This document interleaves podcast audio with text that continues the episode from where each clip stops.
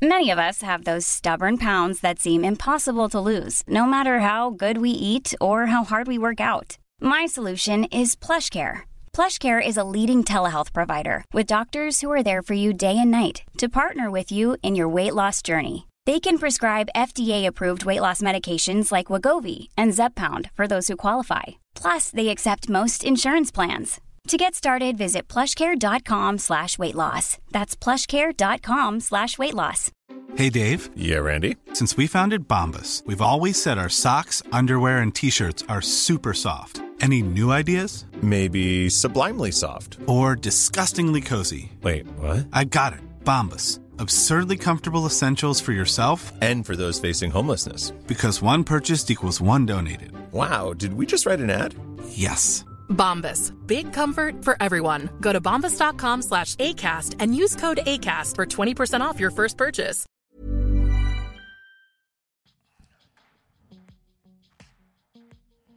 Hej på er nya och gamla lyssnare. Nu är det jag Joakim som presenterar avsnittet igen för en kort stund. David som brukar vara den som redigerade och presenterade avsnittet har valt att gå vidare tyvärr.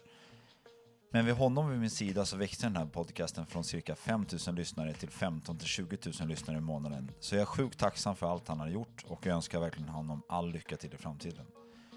Men nu över till dagens avsnitt. Mikael och Lily Rose hade haft en fast, fantastisk dag och var på väg hem. De hade bara en sak till att göra innan de var i hemmet. De skulle stanna till vid Tele2-butiken vid Kista galleria. Väl inne i butiken händer det som personer oftast bara ser på film. Instormande kommer människor på en moppe och är beväpnade med pistol och utför ett rån. Hur reagerar Lille Rose, som vid tidpunkten bara är nio år gammal? Hur reagerar hennes far över att ha sin dotter i butiken samtidigt som män med vapen utför ett rån? Detta är deras historia. Varmt välkomna till Brottsofferpodden. Välkommen Lille Rose. Tack. Fast jag kommer kanske säga Lily också ibland. Ja. Men för respekt för din fina pappa kommer jag säga Lilla Rose som, eh, som oftast. Ja. Välkommen Micke. Tack Jocke, tack. Vi känner varandra lite sedan tidigare. Ja. Men nu är vi här idag. Mm. Vi ska prata om en speciell händelse som hände för cirka fem år sedan. Yes. Yes. Fyra år sedan, cirka fyra år sedan. Ja. Okej, och kan du berätta lite hur det var den dagen? Hur, hur var dagen innan den här händelsen hände? Vi hade varit hos eh, pappas syster, min faster. Sen så skulle vi hem, för vi bodde i Kista eh, precis bredvid där det hände och eh, vi typ övervägde att inte eh, gå in. Sen så gick mina brorsor var uppe i lägenheten med min mamma och vi gick in och sen vände dagen snabbt. Jag Då- förstår.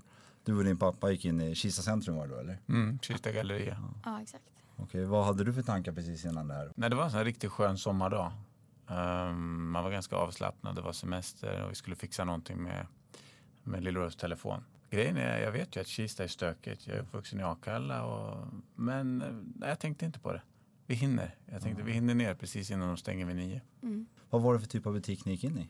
Eh, en Tele2-butik. Men ni, så ni går av, parkerar bilen, går in på, på centrumet, går in på den här butiken. Mm. Vad hände? Var det mycket folk där inne? Eller vad, kan du beskriva lite mer? Bägge två. Vi börjar med dig Lilleros. Ja, vi var nästan de enda där inne. Jag minns att det var en till kille där inne. Eh, men han sprang ut eh, precis när de kom in. Eh, så han liksom bara gick ut. Han var inte med när de var där inne. Men tänk, var det konstigt att det var inget, det var bara en person som gick in från butiken? Det var Ja. ingen du reagerade konstigt på? Nej, han stod bara där och jag vet inte, pratade med någon eller kollade på något. Eh, och sen så var det bara vi och sen typ tre personer eller något som jobbade där inne. Hur minns du den här? Var det något konstigt du tyckte som hände precis innan själva händelsen? Nej, nej egentligen inte. Jag minns inte heller om det var någon annan. Jag hade känslan av att det var någon mer där inne. Men det var, det var en ung kille och två unga tjejer som jobbade. Okej, En av dem har jag fortfarande kontakt med faktiskt. ja du ser. Ah, kan vi prata lite mer om senare Mm. kanske. Men vad händer då? Den här personen går ut, säger Lilleros, och Ja, alltså jag kommer ihåg att jag stod eh, och kollade på mobilskala eller något sånt där tror jag. I hörnet liksom. Och pappa stod och pratade med min telefon och så här. Och den här andra killen var där inne. Och sen så, eh, man hörde typ att det blev lite så här, lite typ uppspelt om man ska säga utanför när de så här körde in på en moppe då. då. In i gallerian. det första jag tänkte var ju inte att det var något så här farligt tror jag utan jag bara typ jag bara kollade på de vuxna antar jag. Så körde de in och den här andra killen, han kanske var där för att kolla läget innan eller något sånt där. Jag vet inte. Jag kommer ihåg att eh, några av de som jobbar där och de vuxna började säga, är det här någon slags skämt eller så här, vad händer? Och då började jag liksom fatta att något Hade, han, hade de tagit den här moppen in i butiken eller var de utanför? Eller vad hör ni ljudet av moppen? Nej, alltså de körde liksom in i den här lilla butiken och eh, typ parkerade moppen precis framför. Liksom. Di- Disken typ.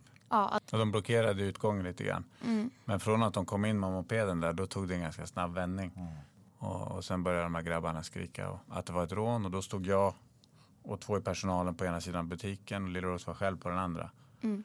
Ehm, och den ena killen började vifta med en pistol och eh, nej, då blir man ju rädd. Och sen så eh, sa de åt oss här, eh, här lägger, så vi vill lägga oss på golvet bakom en sån här, typ en disk liksom. Eh, du och eh, en annan tjej som jobbade där inne, de, ni la liksom över mig. Alltså det gick ju ganska snabbt liksom, men ändå så kändes det som att det var så här en evighet. Bara. Jag var, Minns du vad du tänker? Du ser att du känner att det gick ganska snabbt men ändå Ja. kändes det som att det gick evigheter. Typ. Alltså jag, var, jag var så rädd. En kille som jobbade där inne, en av personalen, de hotade ju han att öppna, öppna upp förrådet och så hörde man ju verkligen hur de bara drog ner massa typ, telefoner och det var så här, jag vet inte, alltså jag trodde ju verkligen att jag skulle dö typ. Alltså jag var, så Jag att, förstår det. Ja, jag var ju bara nio år, jag fattade inte så mycket. Väldigt liten.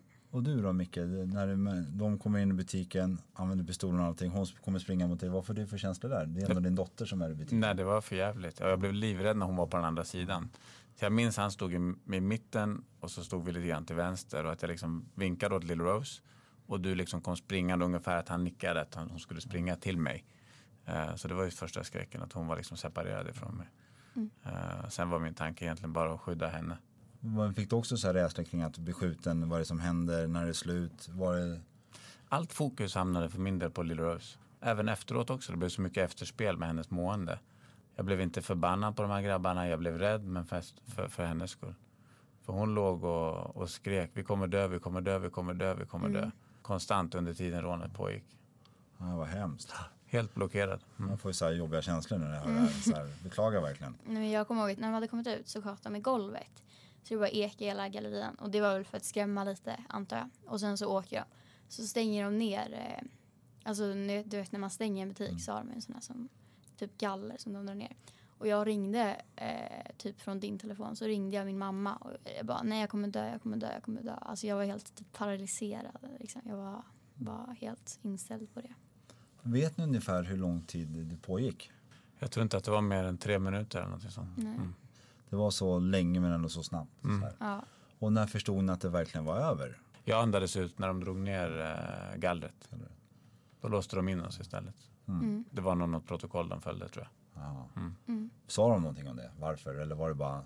Ja, det, var, jag minns, men det var någonting med att vi ska vara kvar här tills polisen kommer. Men du vill ju dra. Little Rose vill ju bara därifrån. Hon var fortfarande i någon typ av så här panic mode. Apropå polis, fanns det några tankar kring polisen under själva under rånet? Så här, vågar man ringa eller var det någon som hade ringt? Hur gick det till så? Jag hoppades polisen, att polisen skulle komma. Ehm, men jag hade inga tankar själv på att göra någonting annat än att skydda Little Rose. Då hade du några tankar? Eller var det bara... Det var bara Ehm, nej, alltså jag tänkte inte på något sånt när vi var liksom inne där och sen så jag märkte ju när de drog upp den här grejen sen eh, så märkte jag ju att det var poliser där och men vi gick ju därifrån för pappa tog ju bara upp mig och typ sprang ut med mig. Ja, men egentligen så ville ju polisen att typ pappa skulle stanna och prata och sånt. De behövde väl så mycket information som möjligt. hur lång tid tog det innan polisen var där? Alltså, Alltså, några minuter, det var fort. Ja, det gick Ja. fort. det gick väldigt fort. Sa de någonting? Så här, var, fanns det någon så här, erbjöds det någon stöd, prat eller Jag, jag gick ju tillbaka sen på kvällen, eller efter någon halvtimme, timme och, och pratade med dem och sen fick vi en kontakt efteråt också. Ehm, nej, det var bra. Det var särskilt en kvinnlig polis ehm, som följde upp det här och hörde av sig omgångar efteråt och ordnade också så att Lill Rose fick gå på, eh, hos en psykolog via BUP. Och eh, även Tele2 hade en egen avdelning för det här.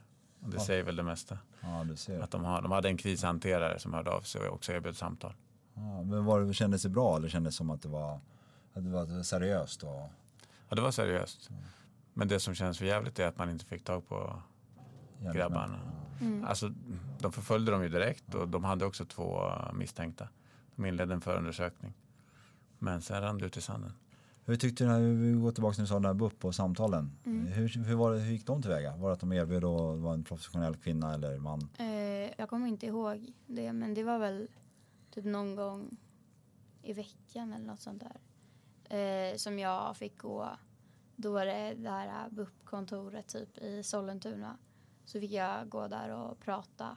Eh, men jag tror att det hjälpte mig väldigt mycket. För jag var, alltså jag var så traumatiserad efter det här. Det var så jobbigt för mig. Hur var kvällen när du kom hem? Alltså det var typ panik. Alltså jag bara, jag kunde inte sluta gråta. Ja, jag bara, jag, jag bara, jag ska aldrig gå ut igen och jag typ så här, alltså jag hade fortfarande typ inte fattat något. Lyckades du somna på kvällen? Efter ett tag, eller till slut tror jag. Jag vet Mm. inte. Jag Men det tog sin lilla tid. Mm. Ja, Hur var det dagen efter då? första dagarna jag kunde inte ens gå ut typ ur lägenheten. Eller så här, jag, jag var så rädd. Alltså bara jag hörde typ en eh, motorcykel åka ute på gatan så bara blev jag så här frös till typ. Det är lite skillnad mot verkligheten mot alla Hollywoodfilmer man ser sånt där va? Mm, verkligen. Alltså det är klart att det är en så här äh, traumatiserande upplevelse. Men jag hade aldrig trott att det skulle vara typ på den nivån. Alltså för att än idag, jag kan fortfarande bli rädd om jag har så här specifika ljud eller typ ser saker som påminner om det. Typ så här motorcyklar, mopeder och sådana grejer. Eh, så det lämnar ju verkligen såna typ R eller vad man ska säga. Jag förstår. Men apropå de här BUP-samtalen, vad var bäst med dem? Så här, Jag tror att det var skönt att typ prata med någon som inte alltså, hade någon direkt koppling till mig och bara så här kunna förklara typ hur jag kände. För att det var så här om jag skulle prata med pappa eller något. Eh, det blev ju inte riktigt samma grej för att han var med och det var bara så här. Jag vet inte, jag tror att det var skönt att bara kunna förklara för någon typ från, så insidan eller vad man ska säga. Kände du att de nådde dig direkt eller var det något speciellt sätt de behövde göra för att nå dig?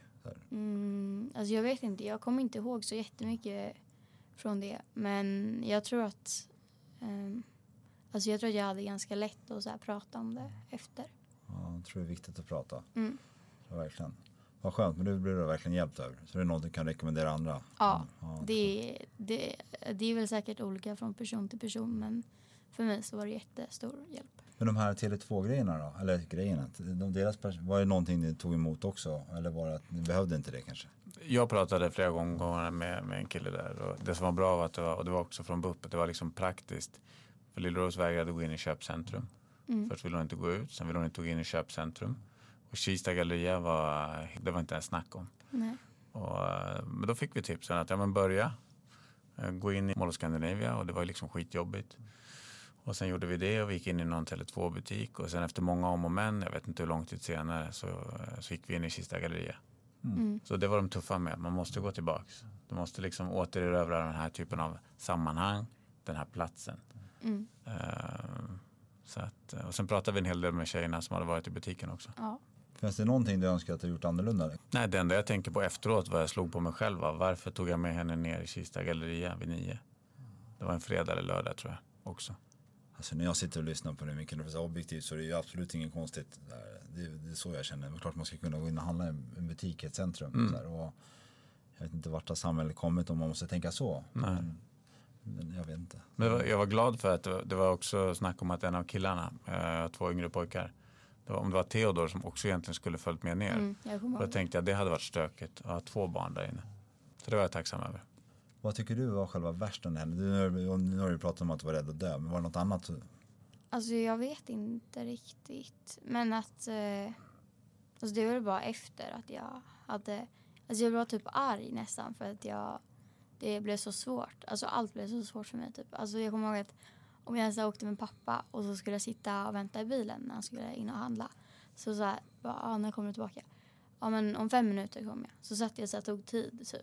Bara, om man inte kom inom fem minuter då var verkligen så här, jag fick panik. Jag bara direkt trodde att det var okej men det har varit ett rån och pappa har blivit skadad och började, alltså jag började gråta och typ blev helt hysterisk. Alltså det var så här verkligen, det bara gjorde allt så himla svårt typ.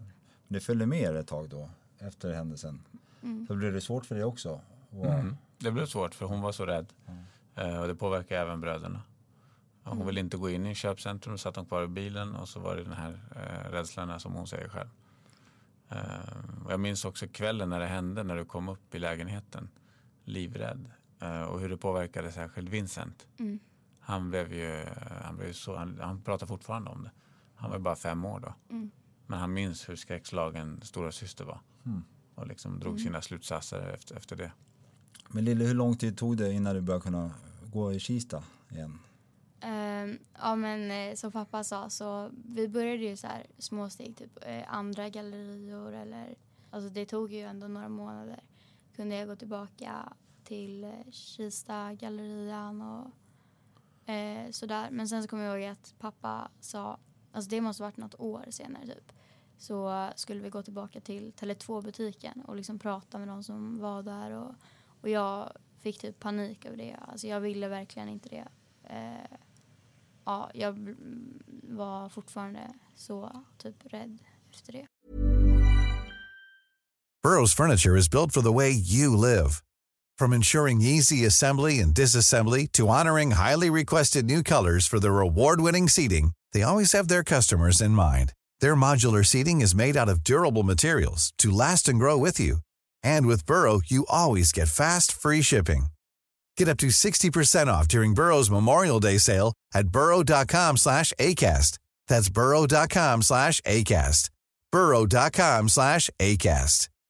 If you're looking for plump lips that last, you need to know about Juvederm Lip Fillers. With Juvederm Volbella XC and Juvederm Ultra XC, your lip look, whether it's subtle or bold, can last up to one full year with optimal treatment and no additional maintenance. Find a licensed specialist and see if it's right for you at juvederm.com today. That's J U V E D E R M.com. Add fullness to lips in adults over 21 with Juvederm Volbella XC or Juvederm Ultra XC. Do not use if you have severe allergies or a history of severe allergic reactions, or if you're you're allergic to lidocaine or the proteins used in Juvederm. Tell your doctor if you have a history of scarring or taking medicines that decrease the body's immune response or that can prolong bleeding. Common side effects include injection site redness, swelling, pain, tenderness, firmness, lumps, bumps, bruising, discoloration, or itching. As with all fillers, there's a rare risk of unintentional injection into a blood vessel, which can cause vision abnormalities, blindness, stroke, temporary scabs, or scarring.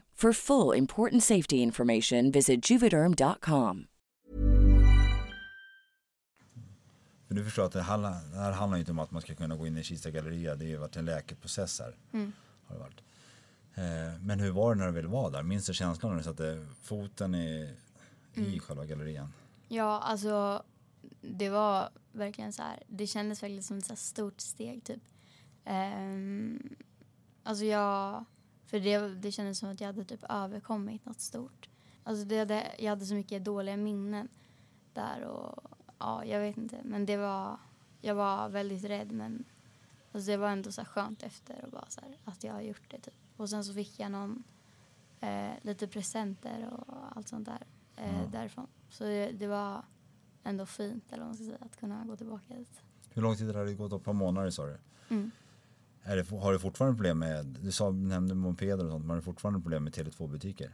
Um, alltså inte riktigt, men um, det är så här, det kan bli så dåliga minnen typ. Ja, börja tänka på det här igen. Hur var det med skolan då? Den har jag glömt bort helt ju. Mm, alltså det här var väl på sommarlovet. Så att eh, det var inte skola på några veckor efter det här tror jag. Eh, vilket var väldigt skönt för jag tror inte att jag hade kunnat gå i skolan för att jag var så pass rädd och jag typ kände att jag behövde ha pappa eller mamma eller någon med mig hela tiden. Eh, men sen när skolan väl började så jag tror att jag inte hade några riktigt större svårigheter med det eller jag vet inte, jag minns inte riktigt men du kanske minns bättre. Jag minns perioden efter direkt, det var, det var otroligt jobbigt för Lill-Doris jag kan inte säga hur länge det varade, men några dagar efter så åkte vi. Vi kunde knappt vara kvar i stan. Då åkte vi upp till fjällen och hyrde en stuga, jag och barnen. Och det tyckte du var skönt. Alltså när vi verkligen sitter och tänker på det här så bara, man kommer på mer och mer grejer som, alltså det var verkligen jättejobbigt. Ja. Hur stor del var det av hela familjens liv, typ en par veckor efter? Så här. Om man pratar annars när ni är hemma och kollar på tv och sitter i bilen tillsammans. Det var saker, det var personer. Det var ja. två unga grabbar som gjorde det här. Ja, men det kunde varit, eh, vad jag minns, eh, om vi mötte ett par unga grabbar som var klädda på ett visst sätt. Då blev du också rädd. Nej men det var verkligen alltså jättesmå saker som, alltså förutom så här eh, mopeder eller eh, du vet Tele2-butiker så är det så här små saker som vissa kläder eller masker som täcker ansiktet och sådana grejer. Så jag kunde ju bli påmind om det när som helst egentligen.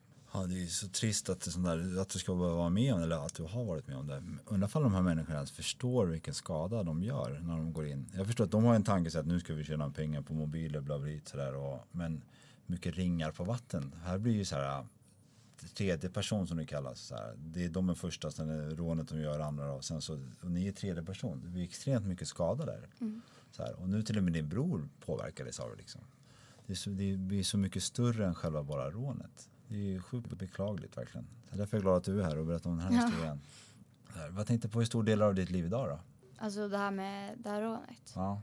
Alltså jag tänker inte på det eh, jätteofta längre. Eller alltså det är klart att jag tänker på det men det är med all hjälp jag fick och sånt så känner jag mig liksom, alltså jag känner mig trygg att gå själv eller eh, ja du vet. Alltså jag, det är inte alls på samma sätt längre.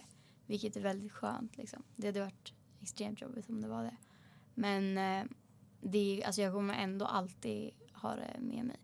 Alltså precis som du säger, jag tror inte att eh, speciellt de som gjorde det, men liksom andra folk fattar.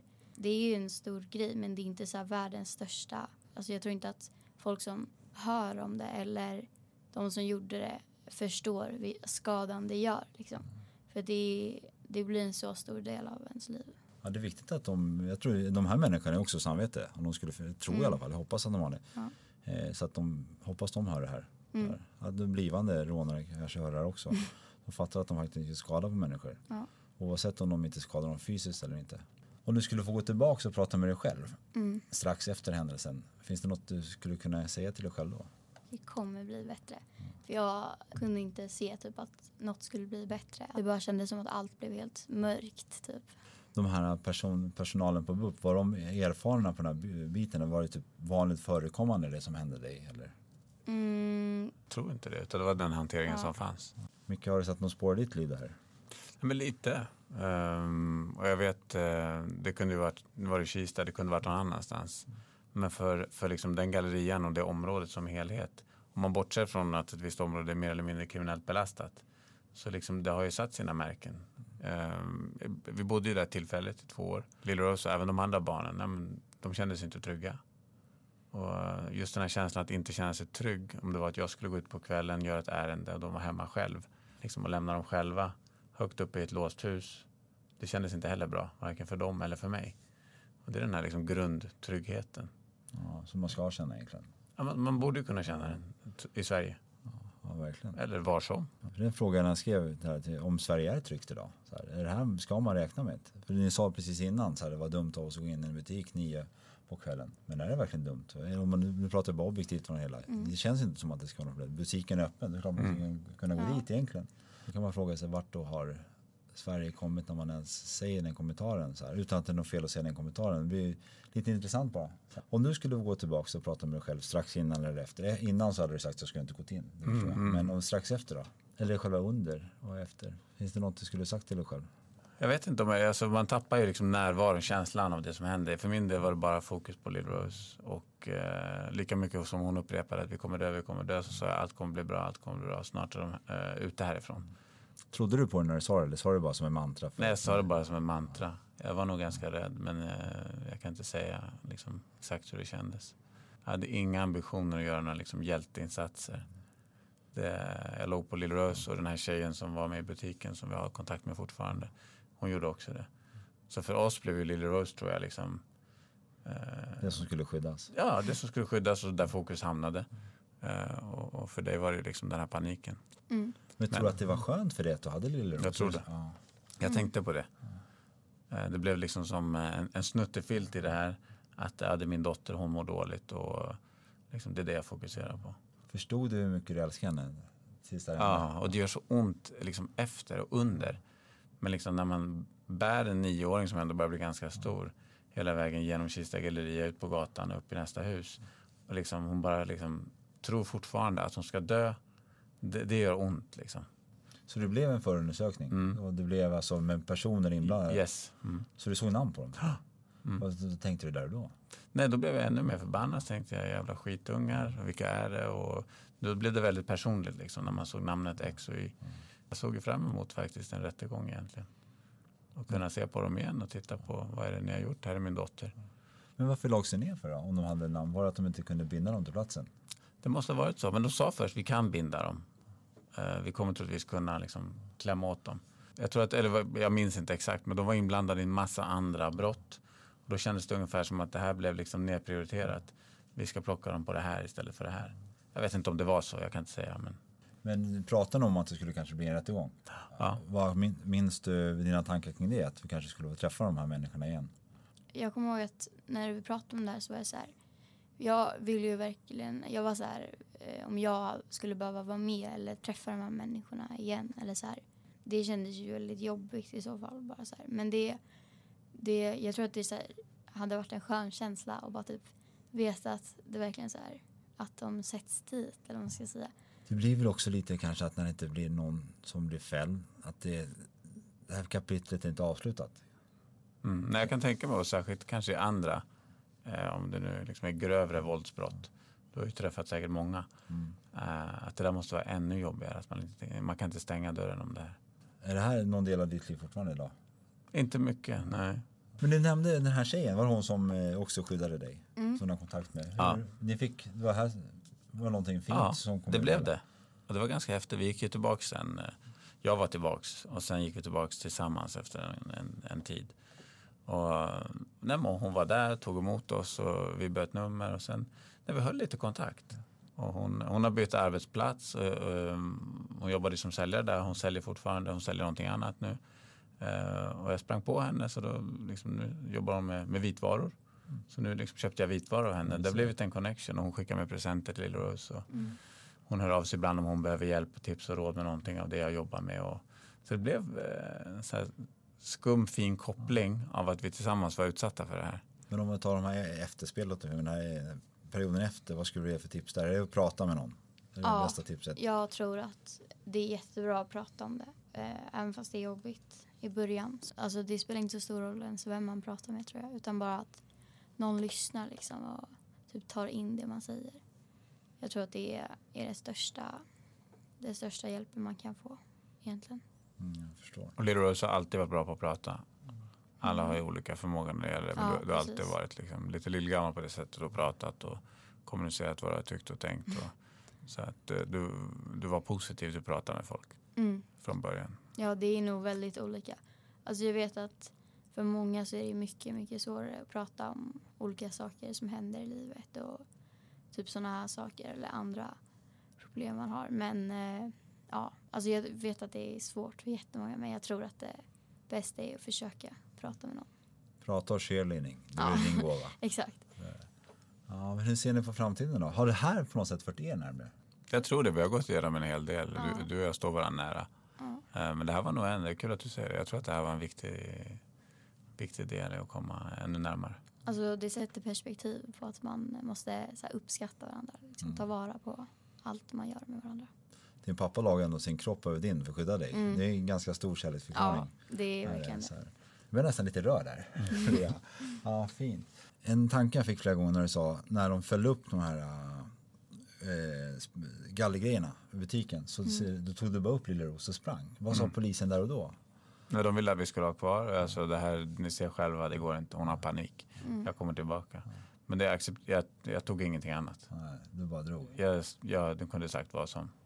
Mm. Ja, du tyckte det var skönt eller? Ja, nej jag tror inte att jag hade klarat eh, vara kvar där. Jag tror att jag bara behövde komma och lägga mig någonstans. Och jag vet att jag ringde också när jag kom eh, upp. Jag ringde typ di- din syster. du alltså ville min ringa farmor, du ville ringa... Ja. Du, liksom, Jag ville ringa alla och prata. Eh, jag vet inte varför, men jag tror eh, att det var rätt att eh, gå därifrån. det kanske hade varit bra att vara kvar och se att allt var lugnt. Men nu, nu gjorde vi som vi gjorde. Men då kändes det bara som enda alternativet. Ja. Vi ska härifrån, hon är livrädd. Mm. Men polisen, de såg inte som, de ville att du skulle stanna men de sa Mm. när du sa jag ska stanna, man har inget krav att man måste stanna. Nej, det, inte då. De släppte iväg oss. Men de sa du får komma ner. De tog nog mina uppgifter. Och sen eh, gick jag tillbaka ganska snabbt. Sen, eh, jag vet du blev förbannad någon dag efter eller två. Då läckte du ut filmer på det här. Någon youtuber som hade varit precis där och filmat hela den här eh, händelsen utifrån. Ja, med en sån vanlig mobilkamera. Yes. Jaha. Så att det här fanns ute och eh, för dig var det ju så allvarligt och för oss som var där och det var ju det. Men jag vet att du reagerade så starkt på att han tog så lätt på det och gjorde en rolig grej av det. Mm. Eh, och det var bara liksom en parentes. Eh, Wow. Det var jobbigt för mig typ att han inte... Så jag kände att han inte visade någon hänsyn nästan för de som hade blivit utsatta så att säga. Ja, jag förstår att jag hade också reagerat jättekonstigt. För du trodde att du skulle dö, här är någon som filmar Ja. och gör en liten sketch av det Mm. hela. Ja, det är ju helt skevt. Jag tror till och med att jag typ försökte skriva till han. Jag var bara typ nio men på typ Instagram eller något. Fick du Eh, svar? Nej det tror jag inte. Eh, Jag kände mig dum för att jag reagerade på det. Men eh, det var väl helt naturligt att jag reagerade på det. Tyckte det var väldigt moget av dig att skriva så måste jag verkligen säga som nioåring. Ja. Många hade inte vågat ens försöka skriva. Nej. Skulle du kunna känna igen de här personerna du såg dem om de hade samma kläder och allting? Skulle, skulle du Ja, minnas? absolut. Alltså Absolut. jag, jag minns jag minns verkligen allt. Alltså jag hade kunnat peka, Utåt. peka ut Ja. dem. Typ. Alltså jag minns. Men jag läste någon, någon här forskning som säger folk som hamnar i chock och rädsla så här, får någon så här, stannar upp och tar Mm. in allt jätte, jätte, jätte, mycket av allt man ser. Fast när man sitter så här så tar man in lite av allt. Ja, av alla så händer det oss. Typ. Alltså det är ju typ en på miljonen. Liksom. Det är eller en på miljonen. Men ja, du fattar. Det, är Ja. så här, det var så himla overkligt. Alltså jag kan fortfarande inte fatta att det hände. Liksom. Det är Och sen på den bara- korta stunden när du stod upp fortfarande och var på väg till mig så minns jag att du berättade ändå att du minns exakt i vilken hand han har pistolen. Mm. Alltså detaljer som var i Motorcykeln minns jag. Eller moppen minns jag hur den såg ut. och- exakt och märke och det var ju märkligt alltså. Du får ta moppekort nästa år. Ja, Ja, sugen? mm, mm, faktiskt. Jag förstår, men det är bra. Ja men grymt. Tack Lilla Rose för att du ställde upp. Tack för att jag fick Jag vara med. hoppas att du slipper vara med om sånt där i framtiden. Verkligen. Så Mm. jag hoppas att de här människorna råkar ut för någon slags rättvisa. Mm. Jag tror på karma. Så att. Mm. Och Micke, tack. Tack, Vi ses. Jag hoppas jag får vinna tennis nästa gång. Det var dagens avsnitt av Brottsofferpodden. Jag vill återigen tacka Mikael och Lille Rose för att ni ställde upp på den här intervjun. Jag vill även tacka Nicole som redigerade avsnittet. Det var ett superbra producerat av dig. En annan fråga jag ofta får det är angående låten som avsnitten alltid avslutas med. Det är en tjej som heter Fenicia som sjunger den, som skrevs av henne tillsammans med mig om vad podden handlar om och mina tankar kring podden. Tyvärr finns den inte i någon längre variation och den finns inte någonstans. Men vi har tankar på att göra en längre variation och lägga ut den någonstans. Så att, eh, vi har det i tankarna så ni vet. Och eh, följ oss gärna annars på Facebook och Instagram under namnet Brottsofferpodden. Och skriv gärna mail till oss på redaktionen at brottsofferpodden.com redaktionen at brottsofferpodden.com Mitt namn är Joakim Lundén. Tack för att ni är med oss. Vi hörs snart igen.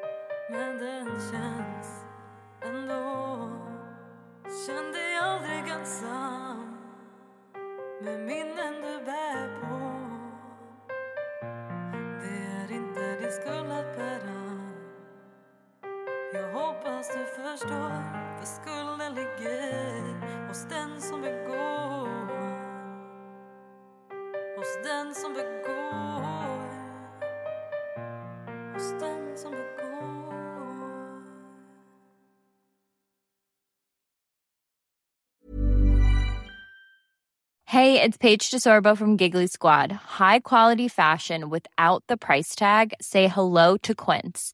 I'm snagging high-end essentials like cozy cashmere sweaters, sleek leather jackets, fine jewelry, and so much more. With Quince being 50 to 80% less than similar brands. And they partner with factories that prioritize safe, ethical, and responsible manufacturing. I love that. Luxury quality within reach. Go to quince.com slash style to get free shipping and 365 day returns on your next order. quince.com slash style.